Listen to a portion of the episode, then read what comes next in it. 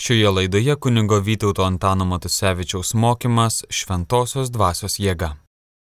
Būkite pasveikinti ir palaiminti, mėly Marijos radio klausytojai. Šiandien mūsų tema apie šventą dvasę, kadangi artėja sėkminės ir pavadinau šitą konferenciją mokymą Dievas juk davė mums ne baimės dvasę, bet galybės, meilės ir savitvardos dvasę. Pagal apašlo Pauliaus antro laiško Timotėjui pirmam skyriui septintoje lūtėje užrašytą citatą. Taigi apaštas Paulius šiomis eilutėmis teigia, jog mes esame apdovanoti ir sustiprinti, praturtinti bei įgalinti. Mums nieko netrūksta, nes krikšto metu buvome pagirdyti viešpaties dvasia ir tapome Dievo vaikais, kuriems viskas išeina į gerą. Tautų apaštalas laiškė romiečiams tvirtina, jog Jėzaus malonės dėka stovime ir didžiuojamės Dievo šlovės viltimi. Mes taip pat didžiuojamės sielvartais, žinodami, kad sielvartas gimdo ištvermę. Ištvermė išmėginta darybė. Išmėginta darybė viltį. O viltis neapgauna, nes Dievo meilė yra išlieta mūsų širdyse šventosios dvasios, kuri mums duota. Šie žodžiai mums turėtų būti tvirtas pagrindas, ant kurio galime stovėti, uola atsiremti ir šaltinis, malšinantis mūsų troškulį. Gražiai kalbam apie dvasę, kuri išlėjo mūsų širdims dievišką meilę. Todėl sėkminės yra Jėzaus atpirkimo misijos kulminacija ir tikslas. Jos ne tik įskleidžia Jėzaus pažadus bei pranašystės, bet ir dovanoja Dievo įvaikiams trybinio gyvenimo malonės pilnatvę. Paklausykime Švento popiežiaus Jono Pauliaus antrojo 1998 metais, birželio 17 dieną sakytos katechezės. Per paskutinę vakarienę Jėzus savo paštlams pasakė, bet sakau jums gryną tiesą, jums geriau, kad aš iškeliauju, nes jei neiškeliausiu, pas jūs neteis globėjas, o nukeliavęs aš jums atsiųsiu. Jėzus tiesėjo savo pažadą.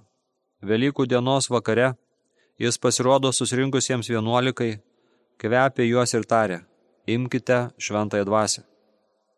Praėjus 50 dienų per sėkmines mums buvo galutinai apreikšta, kas jau buvo įvykę Velykų sekmadienį, toje pačioje paskutinės vakarienės menyje. Apaštlų darbų knyga paliko mums šio įvykio aprašymą. Apmastydami šį tekstą galime išvelgti kai kuriuos šventosios dvasios lipiningosios tapatybės požymius. Pirmiausia, svarbu suvokti ryšį tarp žydų sėkminių šventės ir pirmųjų krikščioniškųjų sėkminių. Iš pradžių sėkminės buvo septynių savaičių šventė, derliaus šventė, kai dievai būdavo atnašavimus pirmienus. Pamažu šventė įgijo naują reikšmę, ji tapo sandoros, kurią dievas sudarė su savo tauta, duodamas į savo įstatymą švente. Šventas Lukas vaizduoja sėkminių įvykį kaip teofaniją, dievo apsireiškimą kaip Dievo manifestacija, Dievo pasirodymą, analogiška tai, kuri įvyko prie Sinajaus kalno. Užesys, smarkus vėjas, ugnies liežuviai. Naujiena ir aiški, sėkminės yra naujasis Sinajaus kalnas, šventoji dvasia yra naujojo sandūra, ji yra naujo įstatymo dovana. Augustinas išvalgiai pastebi, broliai, štai didelis ir nuostabus liepinys – Sėkmenių dieną jie, tai reiškia žydai, gavo įstatymą, parašytą Dievo pirštu. Ir vėl būtent sėkmenių dieną atėjo šventoji dvasia. O rytų bažnyčios tėvas Severianas iš Gabalos patikslina. Dėrėjo, kad lygiai tą pačią dieną, kurią buvo duotas senasis įstatymas, būtų dovanota šventosio dvasios malonė. Taip išpildomas protėviams duotas pažadas. Pranašo Iremijo knygoje skaitome, šitokia gyra sandora, kurią sudarysiu su Izraelio namais, atėjus toms dienoms, tai viešpatė žodis. Įdėksiu juose savo įstatymą, jį rašysiu jiems į širdį. Ezekėlio knygoje rašoma, duosiu jums naują širdį ir atnaujinsiu jūs naują dvasę. Išimsiu iš jūsų akmeninę širdį ir duosiu jums jautrę širdį. Duosiu jums savo dvasę ir padarysiu, kad gyventumėte pagal mano įstatus, laikytumėties mano įsakų ir juos vykdytumėte. Kokiu būdu šventoji dvasia yra naujoji ir amžinoji sandora? Panaikindama nuodėmę ir išlėdama žmogaus širdie Dievo meilę. Juk gyvybę teikiantis dvasios įstatymas išvadavo tave iš nuodėmės ir mirties įstatymo, parašys apaštalas Paulius laiškė romiečiams. Mozės įstatymas išvardėjo įsakymus, bet negalėjo pakeisti žmonių širdies. Reikalinga buvo nauja širdis ir būtent tai Dievas musiūlo per Jėzaus atliktą išganimą. Tėvas išima mūsų akmeninę širdį ir dovana jautrę kaip Kristaus širdį, kupina šventosios dvasios ir leidžiančią mums veikti iš meilės. Šios dovanos dėka tarp Dievo ir žmonijos sudaroma nauja sandora. Šventas Tomas taikliai sako, jog pati šventoji dvasia yra naujoji sandora, nes kuria mumise meilę įstatymo pilnatė, pažymi popiežius Jonas Paulius II. Sėkminių dieną ant apaštų ir mokinių nužengusi dvasia yra pranašyščių įsipildymas – ir Jėzaus švenčiausių kraujų Golgotoje sudarytos sandoros užanspaudavimas, patvirtinimas. Viešpaties meilę kvepianti dvasia apvalo ir įgalina žmogų tapti šventu, klusnių dievų įrankiu. Jį įpučia negesančią ugnį, suteikia žmogui drąsos ir ištvermės. Ta nesilpstanti ištikimybė yra šios ištikimosios dvasios dovana. Pakalbėkime apie keletą simbolių, kurie dažnai taikomi trečiam dieviškam asmeniui – ugnį, vandenį, vėją ir patepimą. Šventasis raštas moko, kad mūsų Dievas yra rienti ugnis, laiškė hebrajams. Gražų šio simbolio palyginimą radau ir kiviskopo Sigito Tamkiaučiaus prieš septynis metus sakytame sėkminių pamoksle, kuriame ganytojas kalba. Apaštlų darbuose aprašyta sėkminio stebuklas – yra lydimas dviejų ženklų – svarbaus vėjo užimo ir nusileidusių ugnes liežuvių. Jie ženklina svarbę tikrovę.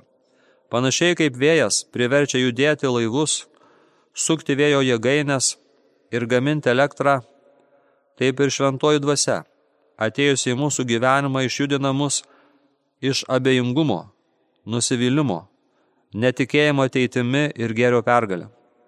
Panašiai kaip ugnis sudegina pelus, sunaikina mikrobus ir išgrynina tauriuosius metalus, taip ir šventoji dvasia turi galę sunaikinti mūsų širdise nuodėmės blogį ir paruošti jas geriems darbams.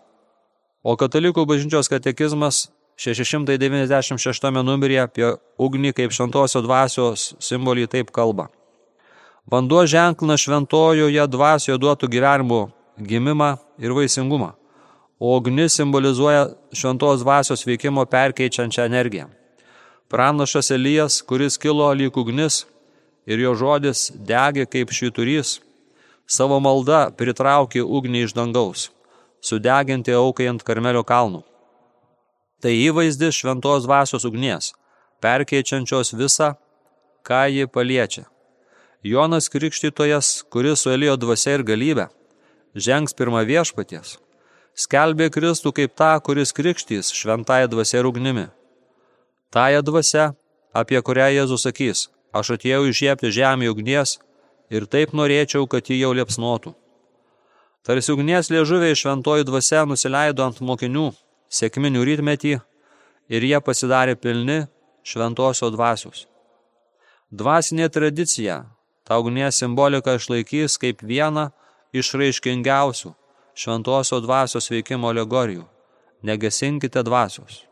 Pragina Paulius pirmame laiške tesalonikiečiams. Negesinkite dvasios. Antrasis Dievo dvasios simbolis yra vanduo. Tai gyvybės, atgaivos ir švaros simbolis. Šventas raštas dažnai kalba apie vandenį kaip šventos dvasios simbolį. Nuostabus yra Jėzaus sustikimas su Samarietė prie šulinio. Ten Jėzus moterį veda vis giliau į savo ir jos širdį, kol galiausiai yra pagirdoma dvasios, trykštančios iš Jėzaus širdies. Tas pats evangelistas Jonas taip puikiai nupasakoja šią istoriją. Septintame skyriuje Jėzaus lūpomis duoda nuostabų pažadą. Jei kas trokšta, te ateina pas mane ir tegu geria. Kas mane tiki, kaip raštas sako, iš to vidaus plūs gyvojo vandens žrovės. Jis kalbėjo apie dvasę, kurie turės gauti tikėjusieji. Paklausykime, brangieji, Švento viskopo Baziliaus didžiojo mokymo iš knygos apie šventąją dvasę. Viešpats, kurio rankose mūsų gyvenimas, su mumis sudarė krikšto sutartį, simbolizuojančią mirtį ir gyvenimą. Vanduo yra mirties simbolis, o dvasia suteikia gyvenimo užstatą. Iš čia mums paaiškėja atsakymas į klausimą, kodėl vanduo buvo sujungtas su dvasia. Mat krikšto tikslai yra du. Vadinasi, kūnas turi būti apvalytas nuo nuodėmės, kad nevestų mirties vaisių. Ir atgaivintas dvasia, kad vestų šventumo vaisius. Į vandenį, kuri ženklina mirtį, kūnas paguldomas tarsi į kapą, o dvasia įlėja gaivinančią galę, atnaujindama mūsų sielas ir iš nuodėmės mirties gražindama jas į pirmykštį gyvenimą. Štai ką reiškia atgimti iš vandens ir dvasios. Mes mirštame vandenyje, o gyvenimą gauname dvasios veikimu. Viešpats Jėzus mokė, kad jo misijos tikslas teikti gyvenimo apstumą, pilnatvę. Prieš žengdamas dangun jis ragino būti drauge, melstis ir laukti tėvo žadėtosios, godėjos ir ramintojos. Kant jūsų nuženg šventoji dvasia, jūs gausite jos galybės. Skamba Jėzaus paždas jau pirmajame paštų darbų skyriuje. Bet kas yra ta šventoji, šventosios dvasios gale? Klausė popiežius Benediktas XVI 2008 metais Liepos 20 dieną Australijoje jaunimui pasakytoje kalboje ir atsako, kas ta gale. Tai Dievo gyvenimo gale. Tai gale tos pačios dvasios, kuri dvelkia viršum vandenų, kūrinėjos aušroje ir atėjus laiko pilnatvei prikėlė iš numiriusių Jėzų. Tai gale kreipianti mus ir mūsų pasaulį Dievo karalystės ateimo link. Jėzus pradėta šventosios dvasios ir gimęs iš mergelės Marijos, atėjo pas mus, kad mums tą dvasę atneštų. Kaip naujo gyvenimo Kristuje versmė, šventoji dvasia labai realiu būdu yra ir bažnyčios siela. Mūsų viešpačių ir vienas su kitu suvienianti meilė. Šviesa, atverianti mums akis, įdant aplink save matytume Dievo malonės stebuklus.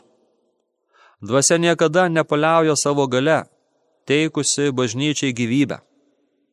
Bažnyčios sakramentų dėka ta gale it požeminė upė teka ir giliai mumise maitindama mūsų dvasę ir vis arčiau traukdama mus prie tikro gyvenimo versmės Kristaus.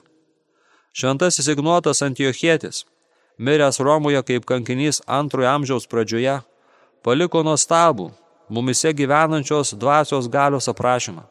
Jis kalbėjo apie dvasę kaip gyvojo vandens fontaną, trykštantį jo širdyje bei šnapždantį. Ateik, ateik pas tėvą. Argi tai nėra nuostabu, kad kiekvienas dieviškasis asmuo rodo ne į save, bet į kitą? Tai tikros meilės ypatybė. Iš šių dieviškų asmenų galime pasimokyti, kokia praturtinanti ir pilnatvę dovanojanti gali būti atviros ir dosnios širdies dovanojama meilė. Dabar, mėly Marijos radio klausytojai, priimkime žodį užrašytą Jono Evangelijos 12 skyriaus pradžioje. Čia kalbama apie galimybę sustikti su Jėzumi ir apie tai, kas neleidžia sustikti arba apsunkina tą sustikimą su viešpačiu. Šešioms dienoms, vėlikus iki Velykų, Jėzus atėjo į Betaniją, kur gyveno jo prikeltasis iš numirusių lozorius. Ten buvo jam iškeltos vaišės. Morta tarnavo, o Lozorius kartu su svečiais vaišinosi prie stalo. Paėmusi svarą brangių tepalų iš grino nardo, Marija patepė Jėzui kojas ir nušluos jas savo plaukais. Namai pakvipo tepalais. Vienas jo mokinys, Judas Iskarijotas, kuris turėjo jį išduoti, pasakė, kodėl to tepalo neparduoda už 300 denarų ir pinigų netiduoda vargšams. Jis taip sakė ne, kad jam būtų rūpėję vargšai, bet kad pats buvo vagis ir turėdamas rankose kasą grobstė įplaukas. O Jėzus tarė, palik ją ramybėje. Ji tai laikė mano laidotųjų dienai. Vargšų jūs visada turite šalia savęs, o mane ne visuomet turėsite. Čia kalbama apie patepimą, Jėzus yra pateptasis, Kristus arba Mesijas. Jį patepė šventoji dvasia viešosios tarnysės pradžioje. Dabar matome patepimą laidotuvėms. Tačiau svarbiausia čia ne patepimas ar brangus tepalai, o mylinti ir save dovanojanti meilės gestų Marijos širdis. Kaip kontrastas apaštlas Judas. Jo žodžiai tiesa atrodo teisingi, bet veidmainystę parodo evangelistas, kuris pabrėžia judo godumą. Galime pripažinti, kad tik Jėzaus mokiniai ir pateptieji yra tie, kurie myli atvirą ir dosne širdimi. Jiems Jėzus yra didžiausias turtas ir dėl jo jiems nieko negaila. Toks žmogus tampa pateptuoju ir tuo, per kurį dvasios patepimas nužengia ant kitų žmonių. Matome, kad tokie žmonės garbina Dievą dvasę ir tiesa, ir būtent tokių garbintojų dangiškasis tėvas ieško. Pažvelkime į dar vieną moterį iš Evangelijos ir paklausykime kunigo Žako Filipo komentaro apie neturtingos našlės skatiką. Pasakysiu jums, kodėl man patinka ši Evangelija, kalba kunigas Žakas. Ir toliau tęsia, tai yra ir mano asmeninis liudimas. Prieš keliarius metus labai ryškiai patyriau savo asmenį varganumą. Ir tada atrodo, atradau šią Evangeliją. Ji mane labai pagodė, nes aiškiai mačiau, kad nieko neturiu. Neturėjau nieko puikaus, ką būčiau galėjęs paukoti viešpačiui. Bet tuo pat metu jutau, kad tai nieko nereiškia. Viešpats prašė, kad jam atiduočiau visą savo varganumą. Viską, kas esu. Panašiai kaip ta moteris Evangelijoje. Jie negalėjo mesti į aukų skrynę daug pinigų, bet labai patiko Dievui dėl to, kad įmetė ne tai, kas jai buvo nereikalinga, bet tai, kas buvo būtina išgyventi. Taip gali atsitikti ir mums. Daugelis Dievui duoda tai, kas atlieka. Kai kurias savo gyvenimo sritis, dalį laiko, bet savo širdies iš tikro Dievui ir neaukoja. Jeigu kokia nors vargšė siela aukoja Dievui savo neturtą, tai reiškia, kad jam atiduoda visą savo gyvenimą, dosniai ir iš gulumos. Todėl jei aukoju visą save Dievui, Žinau, kad tai nėra daug, bet atiduodu jam viską, kas esu. Manau, jog Dievas yra tada labai laimingas. Jam tai didesnė dovana už visus nepaprastus darbus, kuriuos dėl jo galėčiau padaryti. Todėl turėtume atiduoti viešpačiu visą savo širdį, visą savo gyvenimą. Netgi tuomet jei esame įsitikinę, kad tas gyvenimas nėra vertingas, Jėzus į mus nežvelgia kaip visi žmonės, nežvelgia į darbų kiekybę. Jam nesvarbu, kiek dėl jo galėtume padaryti. Išoriniai dalykai jam nerūpi. Jis visų pirma pastebi širdies dosnumą, tikrą ir nuoširdų norą jį mylėti ir sieki, kad jis būtų mūsų gyvenimo centre. Manau, kad jei tokiu būdu jam aukojame save, net jei jaučiamės tikri vargšai, jam tai tampa neįkainuojama brangenybė. Viešpačiu nereikia mūsų darbų, jis trokšta mūsų meilės. Nereikia mūsų veiklos, net jei ji yra svarbi, o mes esame į ją pašaukti. Visų pirma, jis ilgisi mūsų širdies, nors ir būtų vargana. Netgi pasakyčiau, ypač kai ji, širdis, yra vargana.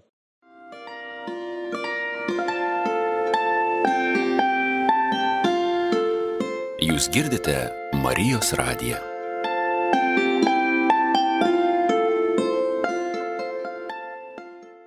Kartais krikščionių gyvenime atsiranda subtili pagunda. Ir remiasi tuo, kad neturime drąsos atsiduoti Dievui, nes jaučiamės labai vargani. Jaučiamės neverti, tarsi nepajėgtume viešpačiui teikti puikią dovaną. Manyčiau, kad tai viso labų tik pagunda nes iš tikrųjų viskas yra priešingai. Jo labiau jaučiamės esą neverti, maži, vargani. Kuo didesni nusidėliai, tuo labiau turėtume pasiaukoti Dievui, nes jis to trokšta, to prašo. Kai taip pasielgiam, jis pats perkeičia mūsų dovaną į neįtikėtiną brangenybę. Viešpats kalba, aš ir atėjau šaukti neteisiųjų, bet nusidėlių. Kartais nuodėme naudojamės kaip atsikalbinėjimo įrankiu, kad nereikėtų visiškai Dievui atsiduoti. Pagal mus į šventumą yra pašaukti kiti, kurie turi daugiau privalumų už mane. Pabaigia kuniga Žakas Filipas. Taigi, mėlyjeji, šventasis raštas iškalbingai byloja, kad Dievui patinka mažutėliai, silpnieji ir atstumtieji. Jis stoji tokių žmonių gretas. Prisimink, pavyzdžiui, Jėzų Jordano upėje primant Jono krikštą. Dar daugiau, Dievas tampa žmogumi. Jėzus tampa neturtingu, vargšu, kad mes taptume turtingi per jo neturtą. Neveltui sėkminių sekvencijoje ir Dievo duose vadinama vargšų tėvų, tiksliau tėvo vargstančiųjų. Mūsų siela visada yra kaip dikuma, nelyginant tvartelis. Mums nuolatos reikia malonės lietaus ir apvalančio, atnaujinančio dvasios nuplovimo. Turbūt greičiausiai dvasia ateina ten, kur tas varganumas pripažįstamas ir viešpačiu atiduodamas, visiškai ir nieko savo nepasiliekant. Kaip priešingybė ir prieštaravimas iškyla dvasinis minimalizmas, drungnumas.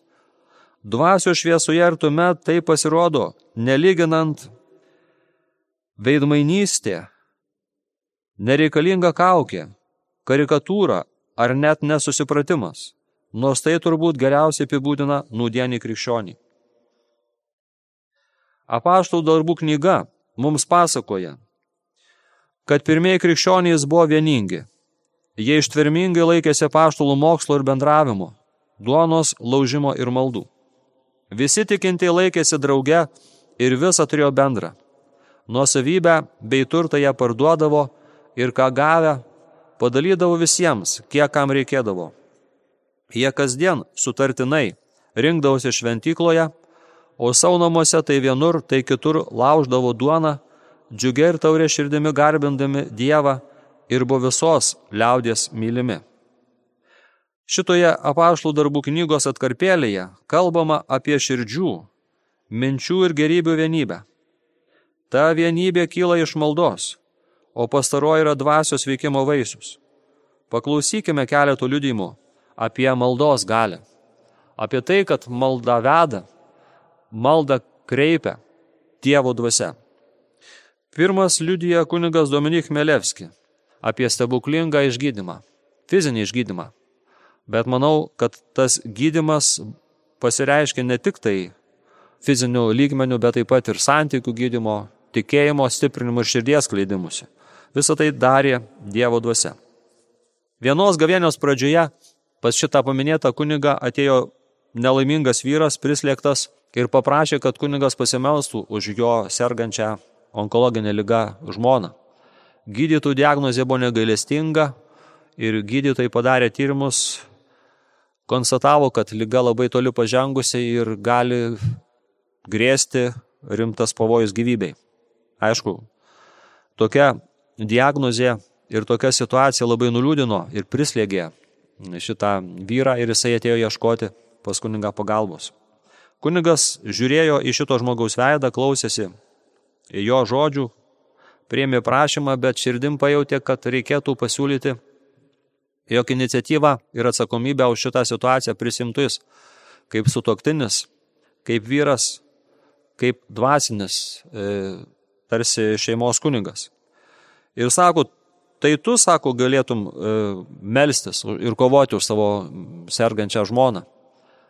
Naudok savo sakramentinės malonės, krikšto dovana ypatingai santokos sakramentinę malonę.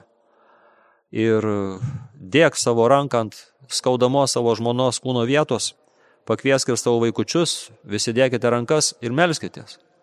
Jėzaus vardu.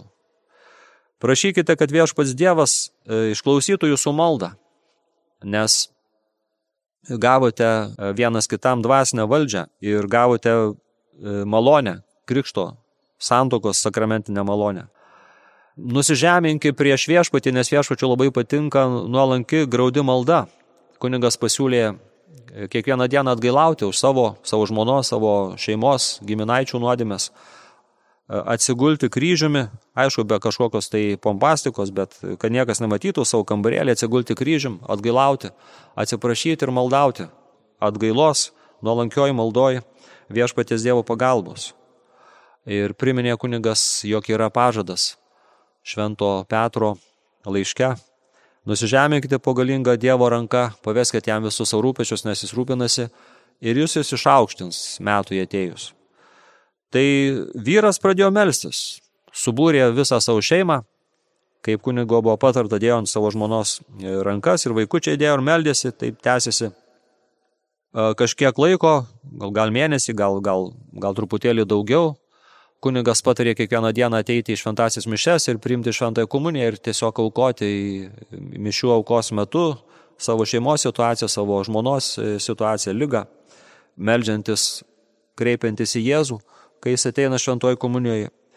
Ir baigiantis gavieniai didį penktadienį žmona buvo paguldyta ligoninę, gydytojai padarė tyrimus ir buvo apstulbinti netikėto tyrimo rezultato, onkologinės lygos nebuvo nei pėtsako. Taip, šitų žmonių tikėjimas, taip šito vyro sutoktinio kova už savo žmoną, už, vaikų, už savo vaikų motiną ir vaikučių malda ir turbūt daugelio kitų žmonių malda ir šventos mišios ir atgailos malda ir kiti sakramentai, kuriuos jie šventė, taip pat ir sustaikymo sakramentas, buvo painikuotas gražiu rezultatu, Dievo gailestingumu, e, išgydymu ir šeimos žmonių e, dar didesnių suvienimu.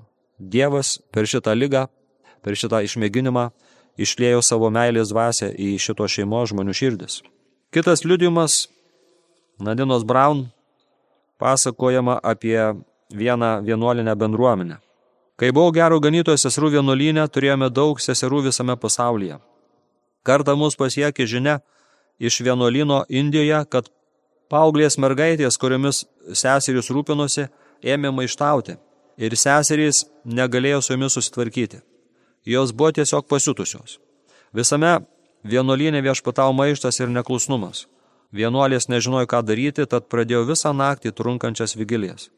Jos meldėsi noveną, tačiau niekas nesikeitė. Prie maldos jos pridėjo dar daugiau pasninko, tačiau niekas nesikeitė. Po to jos ėmėsi daugiau novenų įvairiems šventiesiems ir motinėliais teigėjai, tačiau vis vien niekas nesikeitė. Galiausiai vyresnioji maldoje paklausė Dievo, kaip tai sustabdyti? Tai blogis. Jis sekina seseris, mes aklavietėje. Dievas atsakė, meilė gali išvaryti priešą. Atlikite meilės noveną. Jos niekad negirdėjo nieko panašaus, tačiau atliko meilės noveną. Jos mylėjo vieną kitą taip, kaip niekad iki tol nebuvo mylėjusios. Jos aukojusi viena už kitą.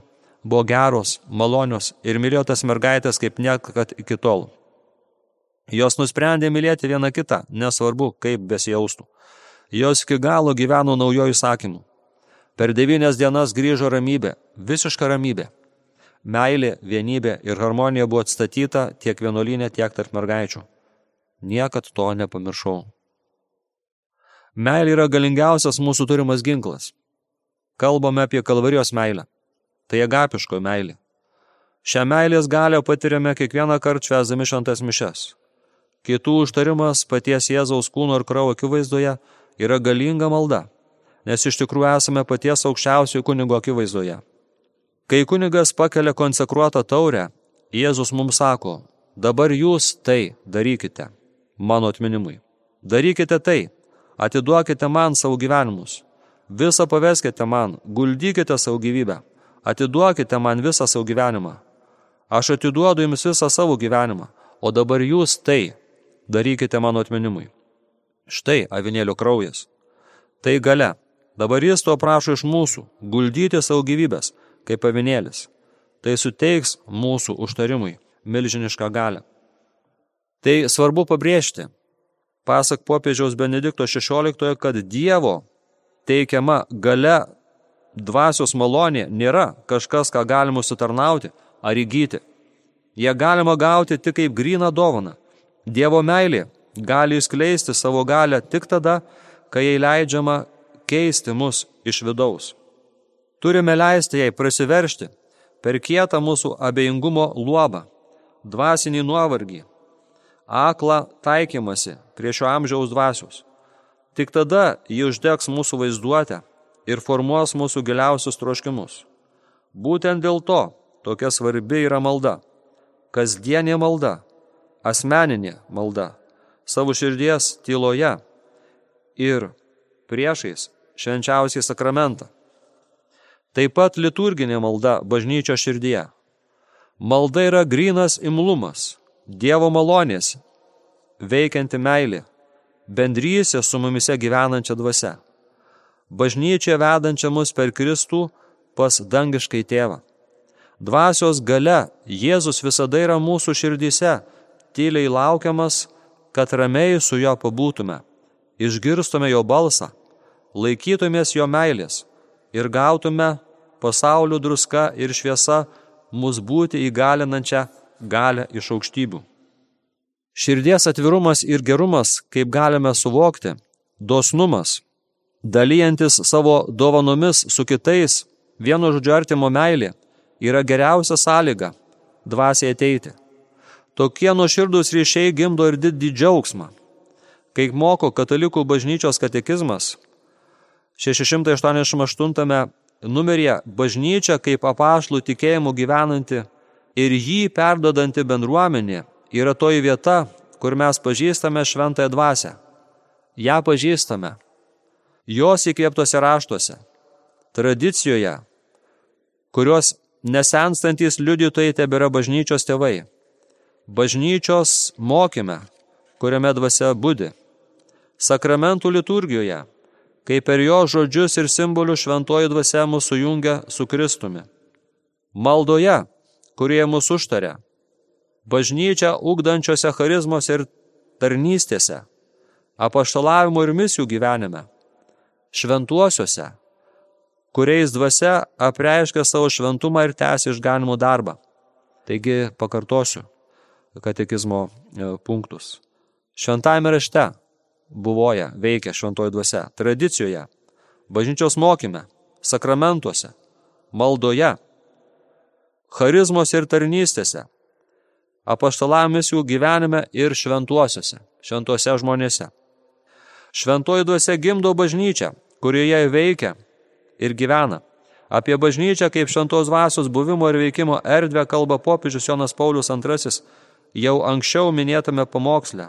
Jo mintimis apvainikuokime šią katechezę.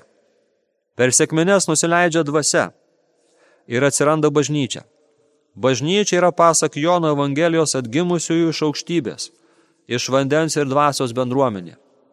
Krikščionių bendruomenė nėra pirmiausia tikinčių laisvo apsisprendimo rezultatas. Jos ištakos visų pirma yra laisva Dievo meilės, dovanojančio šventąją dvasę iniciatyva. Tikėjimo kupinas pritarimas šiai meilės dovina ir atsakymas į malonę, kuris ir pats yra malonės padarinys.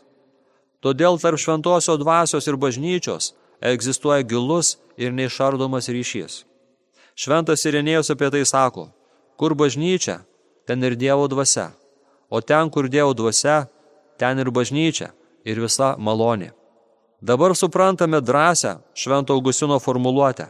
Taigi turime šventąją dvasę, jeigu mylime bažnyčią. Pasakojimas apie sėkminių įvykį pabrėžia, kad bažnyčia atsiranda visur. Tokia yra tautų, partų, medų, elamiečių, kurie klauso Petro pirmojo pamokslo vardėjimo prasme. Šventoji dvasia duota visiems visų rasių ir tautų žmonėms ir sukurs tarp jų naują Kristaus misinio kūno vienybę. Šventas Jonas Chrizostomas apibūdina šventosios dvasios sukurtą bendruomenę šiuo konkrečiu pavyzdžiu. Kas gyvena Romoje žino, kad Indijos gyventojai yra jos nariai. Faktas, kad šventoji dvasia yra naujų sandora, reiškia, jog švenčiausios trybės trečios mens veikimo paskirtis sudabartinti prisikėlusi viešpatį ir su juo Dievą tėvą. Dvasia iš ties veikia išganingai, leisdama patirti Dievo buvimą tiesiogiai. Naujosios ir amžinosios sandoros esmė ta, kad Dievas dabar tapo prieinamas kiekvienam iš mūsų. Visi maži ir dideli anot Jeremijo tam tikrą prasme apdovanoti tiesioginiu viešpaties pažinimu. Apie tai rašoma ir pirmajame Jono laiške. Dėl jūsų patepimas, kurį iš jo esate gavę, jumise lieka. Ir nereikia, kad jūs kas nors mokytų, nes pats jo patepimas moko jūs visko ir jis yra tiesa, o ne melas. Ir kaip jis jūs pamokė, taip jame ir laikykitės. Taip įsipildo pažadas, Jėzaus duotas savo mokiniams per paskutinę vakarienę. O globėjas, šventoji dvasia, kurį mano vardu tėvas atsiūs, jis išmokys jūs visko ir viską primins, ką esu jums pasakęs. Per šventąją dvasę sustinkame su viešpačiu normaliomis savo, kaip sūnų ir dukterų, gyvenimo aplinkybėmis, draugiškoje akistatoje, patirdami Dievą kaip tėvą, brolį, draugą ir sužadėtinį. Tai sėkminės, tai naujoji sandora. Baigia šventasis popiežius Jonas Paulius. Taigi, sesės broliai, kopkime aukštutinį kambarį. Atsidėkime su visa bažnyčia, maldai, laukiame pažado. Laukime ugnies iš dangaus, laukime jėgos, kad kai ant mūsų nusileis šventosios dvasios ugnis, mes gautume galybės ir taptume Jėzaus mirties ir prisikelimų liudytojais, ten, kur gyvenama, jei viešpas panorės iki žemės pakraščių. Ateik šventoji dvasia ir atnaujink žemės veidą. Nuženk šventoji meilės ir galybės dvasia. Įskleisk mūsų širdis ir mūsų gyvenimus savo malonės, savo karalystės, teisumo ramybės ir džiaugsmo jėga. Padėk mus tave pažinti, padėk mus tave pamilti ir būti tau klusniems, tau paklusti, tave mylėti, tavęs negesinti, tavie pasilikti. Ateik, šventoji dvasia, ir atnaujink žemės veidą. Amen. Laidoje klausėmės kunigo Vytauto Antano Matusevičiaus mokymo Šventosios dvasios jėga. Likite su Marijos radiju.